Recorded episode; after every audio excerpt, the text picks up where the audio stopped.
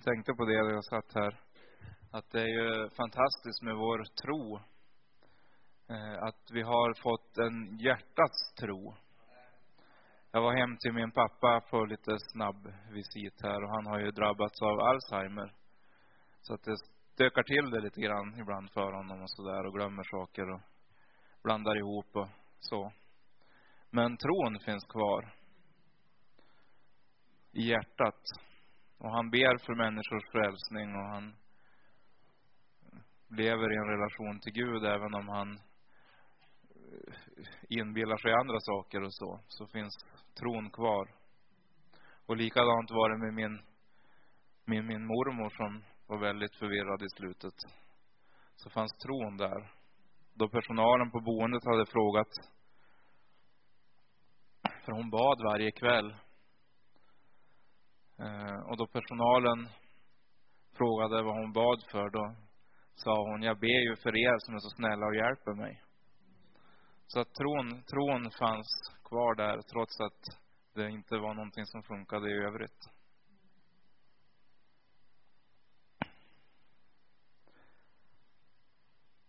Nu ska Sven lyssna extra noga, för nu ska jag tala om temat. Eh, temat för den här predikan, det är i väntan på vad då? Och vad gör vi medan vi väntar?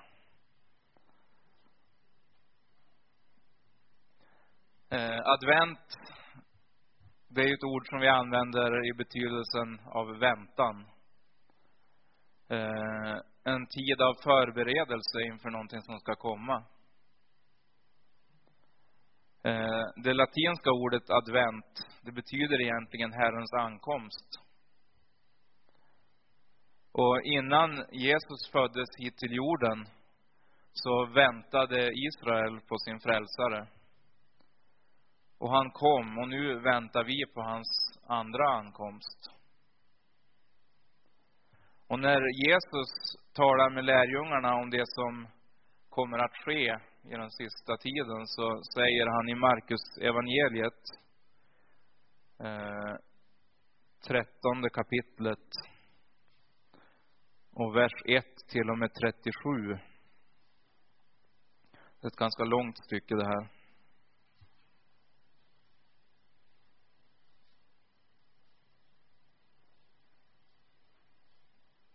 När Jesus gick ut från templet sade en av hans lärjungar till honom.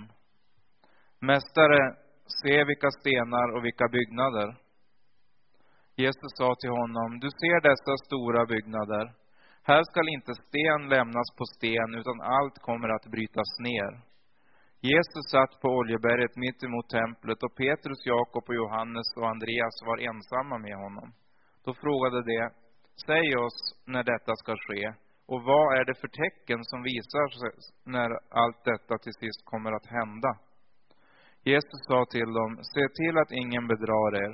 Många ska komma i mitt namn och säga, jag är Messias, och det ska bedra många. Ni, när ni får höra stridslarm och rykten om krig, bli då inte förskräckta. Sådant måste komma, men därmed har slutet ännu inte kommit. Folk ska resa sig mot folk och rike mot rike. Det ska bli jordbävningar på många platser och det ska uppstå hungersnöd. Detta är början på födslovåndorna.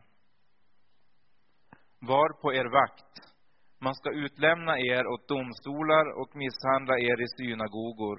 Och ni kommer att ställas inför landshövdingar och kungar för min skull och stå som vittnen inför dem. Men först måste evangeliet predikas för alla folk. När man för bort er och utlämnar er, så gör er inte bekymmer för vad ni ska säga. Vad som ges er i den stunden skall ni tala. Det är inte ni som, tal, som då talar, utan den helige Ande. En bror kommer att utlämna sin bror till att dödas, en far sitt barn, och barn skall sätta sig upp mot sina föräldrar och döda dem. Ni kommer att bli hatade av alla för mitt namns skull, men den som håller ut in till slutet skall bli frälst. När ni ser förödelsens styggelse stå där, ska han inte, eh, eh, där han inte skulle stå. Eh, den som läser detta bör noga lägga märke till det. Då skall de som bor i Judeen fly bort till bergen. Den som är på taket skall inte stiga ner och gå in för att hämta något i sitt hus. Och den som är ute på åkern skall inte vända tillbaka för att hämta sin mantel. Ve dem som väntar barn eller ammar i de dagarna. Be att det inte händer på vintern. Ty det skall i de dagarna komma en sådan nöd att något liknande inte har förekommit sedan Gud i begynnelsen skapade världen och inte heller skall komma. Om Herren inte förkortade den tiden skulle ingen människa bli frälst, men för det utvalda skull har han förkortat den tiden. Om någon då säger till er, se här är Messias, eller se där är han, så tro det inte. Falska messiasgestalter och falska profeter ska träda fram och göra tecken och under för att om möjligt leda de utvalda vilse. Men var på er vakt, jag har sagt er allt i förväg. Men i de dagarna, efter denna nöd, skall solen förmörkas och månen skall inte ge sitt sken. Stjärnorna ska falla från himlen och himlens krafter ska skakas. Då ska man få se Människosonen komma bland molnen med stor makt och härlighet. Och då skall han sända ut änglarna och samla sina utvalda från de fyra väderstrecken, från jordens ända till eh, himmelens yttersta gräns. Lär er av en jämförelse med fikonträdet. Redan när kvisten blir mjuk och bladen spricker ut vet ni att sommaren är nära. När ni ser allt detta skall ni på samma sätt veta att han är nära och står vid dörren. Amen, säger jag er, detta släkte skall inte förgå förrän allt detta händer. Himmel och jord ska förgå, men mina ord skall inte förgå. Men om den dagen och den stunden vet ingen något, inte änglarna i himlen, inte ens sonen, ingen utom fadern. Var på er vakt och håll er vakna, ty ni vet inte när tiden är inne. Det är som när en man reste bort. Han lämnade sitt hus och gav sina tjänare i uppdrag att sköta var och en sin uppgift. Portvakten befallde han att vara vaksam. Vaka därför. Ni vet inte när husets herre kommer, om det sker på kvällen eller vid midnatt eller på efternatten eller på morgonen. Vaka så att han inte plötsligt kommer och finner att ni sover. Vad jag säger till er, det säger jag till alla. Vaka.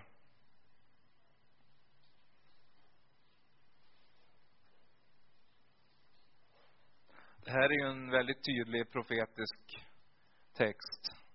Och den talar ju dels om, om eh, templets förestående fall som skedde år 70 efter Kristus. Men sen talar den ju om det som, kom, som inte är uppfyllt än, helt enkelt.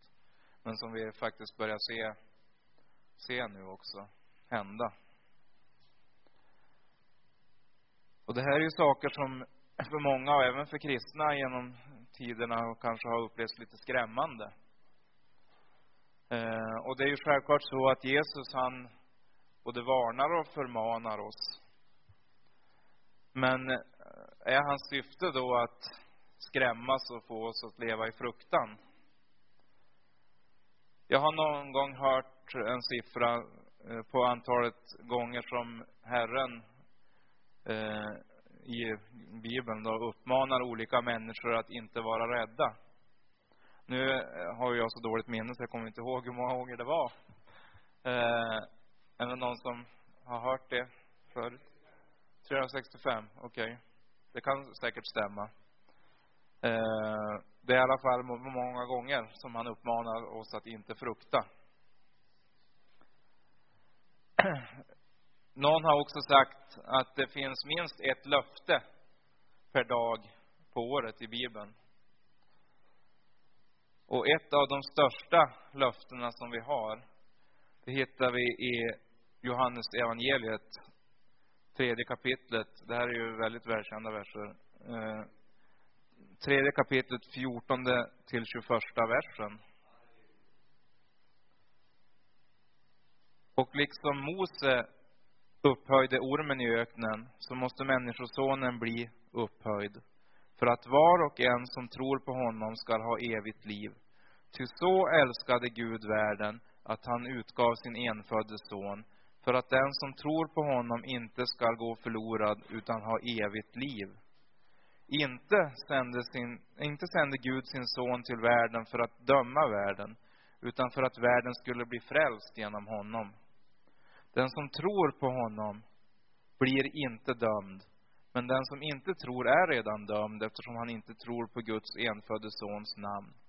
Och detta är domen. Ljuset kom till världen och människorna älskade mörkret och inte ljuset eftersom deras gärningar var onda. Ty var och en som gör det onda hatar ljuset och kommer inte till ljuset för att hans gärningar inte ska avslöjas. Men den som lyder sanningen kommer till ljuset för att det ska bli uppenbart att hans gärningar är gjorda i Gud. Utgångspunkten, det är alltså att Jesus han kom för att rädda världen. Inte för att döma den. Och alla Jesu varningar och förmaningar, de syftar till att skydda oss, inte till att skrämma oss. Och enligt de ord vi läste från Markus evangeliet 13 kapitel så kommer det att bli tufft att följa honom i den sista tiden. Och därför så behöver vi lyfta blicken och se lite längre bort än här och nu. Vi kan eh, fylla på med några löften till. Redan tidigt i Israels historia så säger Herren i femte Moseboken 31 och 6 så säger han, var starka och frimodiga. Var inte rädda eller förskräckta för dem. Ty Herren din Gud går själv med dig. Han ska inte lämna dig eller överge dig. Och Jesus han säger i missionsbefallningen i Matteus 28, 18-20. Jag har fått all makt i himlen och på jorden. Gå därför ut och gör alla folk till lärjungar. Döp dem i Faderns och Sonens och den helige Andes namn och lär dem att hålla allt vad jag har befallt er. Och se, jag är med er alla dagar in till tidens slut. Så Herren, han har lovat att alltid vara med oss. Så vi behöver inte vara rädda.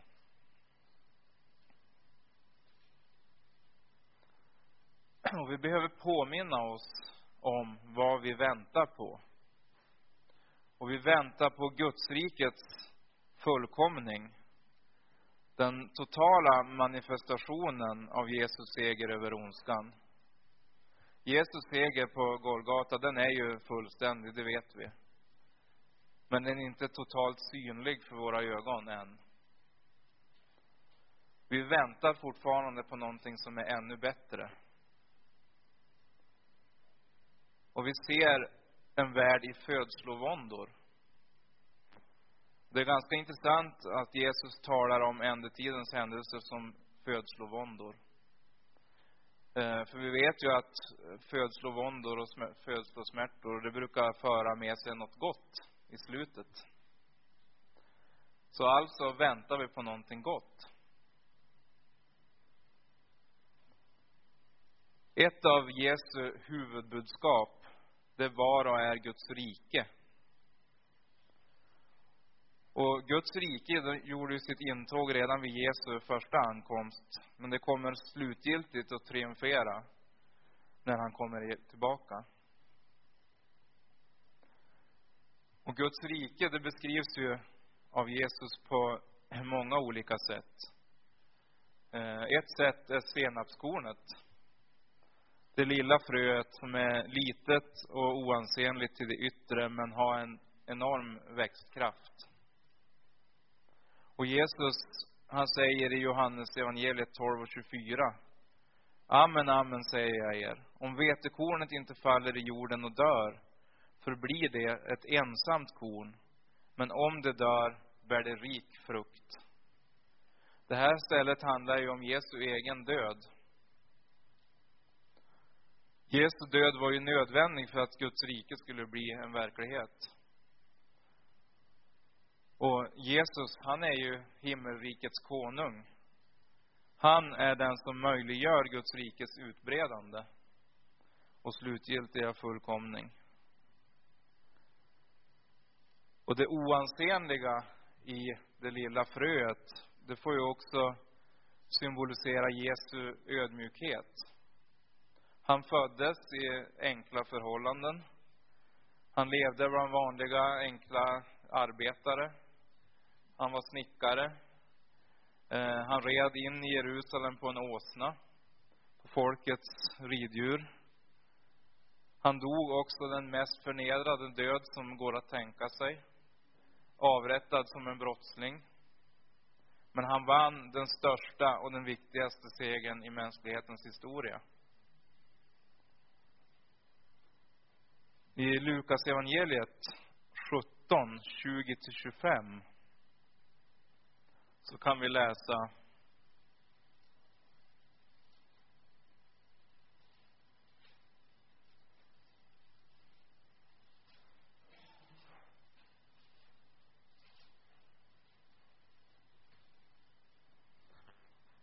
Jesus blev tillfrågad av fariseerna när Guds rike skulle komma svarade han dem Guds rike kommer inte så att man kan se det med ögonen. Inte heller ska man kunna säga, se här är det, eller där är det. ty se, Guds rike är mitt ibland er. Till sina lärjungar sa han, det ska komma en tid då ni längtar efter att få se en enda av Människosonens dagar, men ni kommer inte att få det. Man ska säga till er, se där är han, eller här är han, men gå inte dit och följ inte med. Ty liksom blixten flammar till och lyser från himlens ena ände till den andra, så skall Människosonen vara på sin dag. Men först måste han lida mycket och bli förkastad av detta släkte. När Jesus svarar fariseerna så måste vi se det med bakgrund av att fariseerna som hörde till det politiska ledarskapet på, den här, på Jesu tid, de väntade på en politisk Messias. Eh, en kung som där och då skulle leda Israel och besegra fienderna. Men de hade fel förväntningar på vad Guds rike innebar. Så det är inte något mystiskt och flummigt som Jesus talar om när han, när han säger att man inte kan se Guds rike. Utan han menar att Guds rike redan är där. Och hur, hur är Guds rike där då? Jo, Jesus är där. Guds rikes regent är där. Men om man har fel förväntningar så ser man inte det. Fariseerna, de hade begränsat sina förväntningar till den här världens maktsystem. De hade förväntat sig en konung och ett rike utifrån världsliga mått. Därför kunde de inte se. När Johannes döparen sitter fängslad och skickar sina lärjungar till Jesus för att fråga om han är den som ska komma eller om de ska vänta på någon annan. Så då svarar Jesus med en hälsning till Johannes. Och det kan man läsa i Matteus 11, 4-6. Gå och berätta för Johannes vad ni hör och ser. Blinda får sin syn, lama går, spetälska blir rena, döva hör, döda uppstår och för fattiga predikas glädjens budskap. Och salig är den som inte tar anstöt av mig. Det Jesus talar om är tecknet på Guds rikes närvaro. Att Messias har kommit. Messias närvaro är lika med Guds rikes närvaro. Vi kan ju läsa om i Apostlagärningarna hur Herren bekräftade evangeliet med under och tecken. Och vi lever ju faktiskt i Apostlagärningarnas tid fortfarande. Och Jesus han har ju lovat att där två eller tre är samlade i hans namn så är han mitt ibland oss. Och om han är här så är Guds rike här. Och då kan det hända saker. Så Guds rike är här samtidigt som vi väntar på att Jesus ska komma tillbaka. Och då kommer det att ske med sån kraft och makt att det går inte att missa. Den mest motsträvige, den värsta farisé eller ateist kommer att kunna se det. De kommer att bevittna hans ankomst. Så då människor säger att ja men eh, Gud finns där och Jesus finns inom dig, ja det gör han ju såklart, men det finns, han är i öknen eller han är där eller han är där. Tro inte på det, för vi kommer att få se. Vi kommer att få se det. Och även den som förnekar honom. Och då kommer Guds rike att regera fullt ut. Och Jesu beskrivning av vetekornets död eller av senapskornets inneboende växtkraft. Det är inte heller en sorts andlig princip som vi kan använda som någon sorts metod i olika sammanhang. Utan det är en bild av en konkret verklighet som bara kan komma till stånd genom Guds eget ingripande i världshistorien. Guds rike kan ju aldrig bli en verklighet genom politiska reformer eller genom positivt tänkande. Guds rike är och blir en verklighet endast tack vare Guds eget handlande. Därför kan det ju ibland se ut som det håller på att gå åt skogen. Och om vi ska tala om principer så är Guds egen princip att vänta tills vi själva har tömt ut våra mänskliga resurser och ställt till det så mycket så att hans kraft är det enda som kan rädda oss. För att, som Paulus skriver, att ingen ska kunna berömma sig. När Jesus hängde på korset, då såg det mörkt ut. Men historien tog en vändning vid hans uppståndelse. När födsloverkarna sätter igång, då kan det tyckas att ingen ljusning finns. Men det gör det. En ny himmel och jord är på väg att födas. Jesus är på väg, och den här gången i makt och ära. Så vad väntar vi på? Jo, vi väntar på ingen mindre än Jesus själv. Då har vi kommit till del två. Vad gör vi medan vi väntar? För det första så behöver vi lyda Jesu uppmaning i Markus 1, verserna 14 och 15.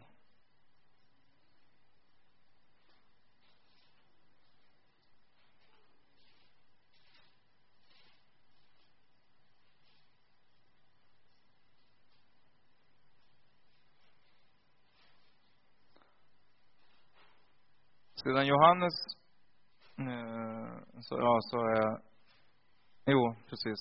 Sedan Johannes hade blivit fängslad kom Jesus till Galileen och predikade Guds evangelium. Han sa, tiden är fullbordad och Guds rike är nu här. Omvänd er och tro evangelium. Grunden för allt kristet arbete, det är budskapet om Jesus Kristus och att hos honom finns frälsningen.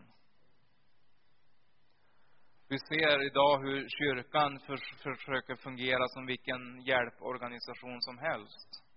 Utan att betona vikten av människors omvändelse och frälsning. Som en sorts social inrättning, men utan evangeliets kraft. Eh, och att arbeta socialt och diakonalt, det är viktiga delar av, av Guds rikes utbredande. Men utan sant lärjungaskap och utan den helige Andes kraft så blir det människoverk utan evighetsvärde. För i första Korintierbrevet 4 och 20 då står det Ty Guds rike består inte i ord utan i kraft. Tron på Jesus som Herre var det som präglade urkyrkan. Och den explosionsartade tillväxten som vi kan se i Bibeln och fortfarande ser i vissa delar av världen idag, den är ett resultat av den helige Andes kraft och inte av mänsklig förmåga. Så det första en människa behöver göra, det är att omvända sig och tro evangelium. Det är en bön som vi behöver ha för oss själva och för den världsvida församlingen varje dag att ständigt leva i omvändelse. inte våra egna vägar, utan att vi hela tiden är i vandring till honom. Och vi är på väg hem. Och vill naturligtvis bjuda med oss så många som vi kan efter vägen. Och vi vandrar också med honom. Den helige Ande är vår vägvisare. I, det här, I detta kommer kraften. När själva omvändelsen och tron på Jesus är på plats, då kan vi lyssna på vad Jesus säger i Johannes 4, 35 till 38.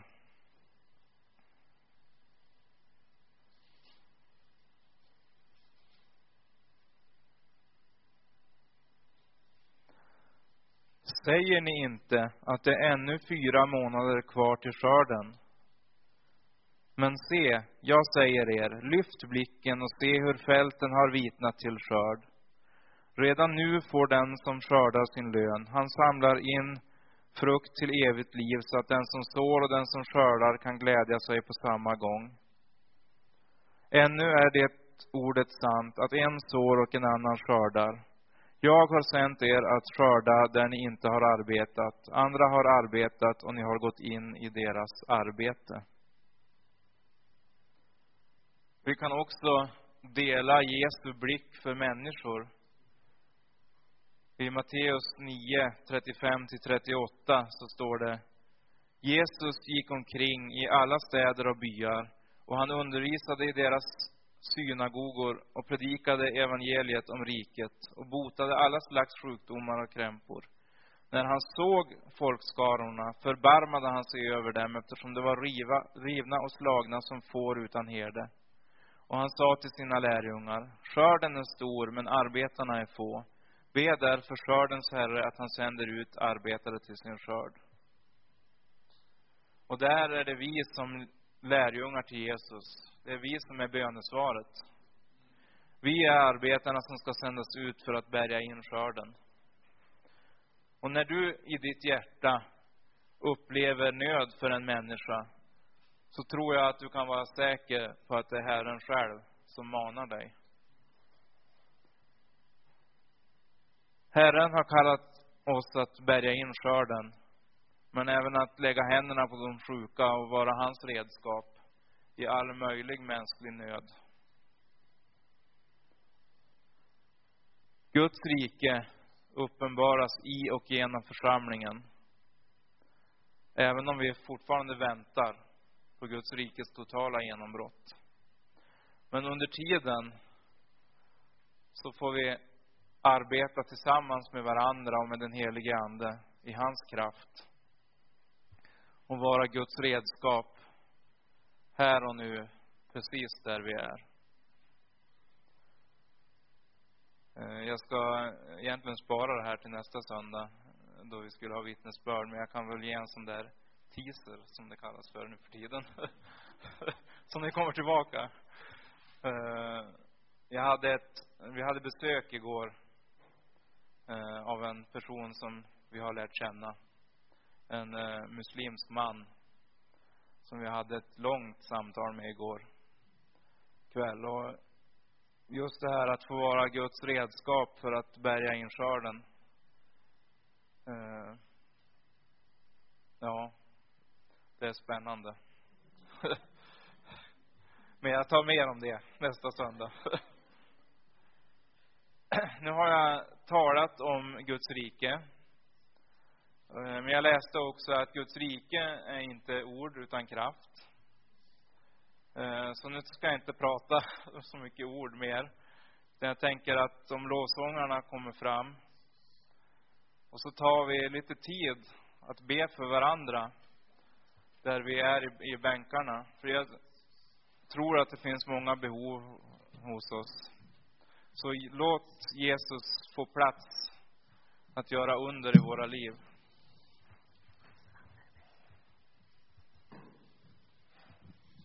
Så eh, be för den som sitter bredvid dig och fråga vilka behov som finns.